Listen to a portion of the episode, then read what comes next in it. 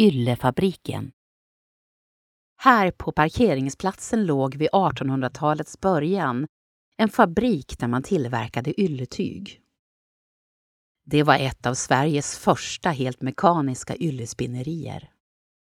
Det strömmande vattnet i Norrtäljeån drev inte bara spinnmaskiner utan även en rad maskiner för beredning av ullen och efterbehandling av det färdiga tyget.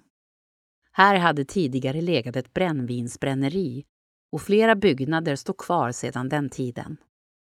Många av de som arbetade vid fabriken bodde på fabriksområdet och ofta var hela familjer anställda. Affärsidén gick ut på att köpa billig ull från Baltikum. Låta kvinnor och barn med lägsta möjliga löner arbeta i fabriken och sedan sälja det färdiga tyget som uniformstyg till kronan. Man hade alltså billig råvara, billig arbetskraft och garanterad avsättning. Trots det blev yllefabriken ett ekonomiskt misslyckande. Flera års torka fick fabrikens vattenhjul att stå stilla och ullimporten försvårades av Napoleonkrigen. Redan 1813 lades verksamheten ner. De som investerat i fabriken förlorade sina pengar. Istället för att dela på vinsten fick man dela på skulderna. Under åren görs misslyckade försök att få igång produktionen.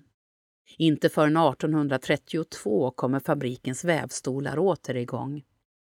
Nu tillverkar man filtar som enligt reklamen ska vara vattentäta. Produkten blev ingen större framgång och den sista filten tillverkas 1867. Senare under 1800-talet anlades en kvarn på tomten.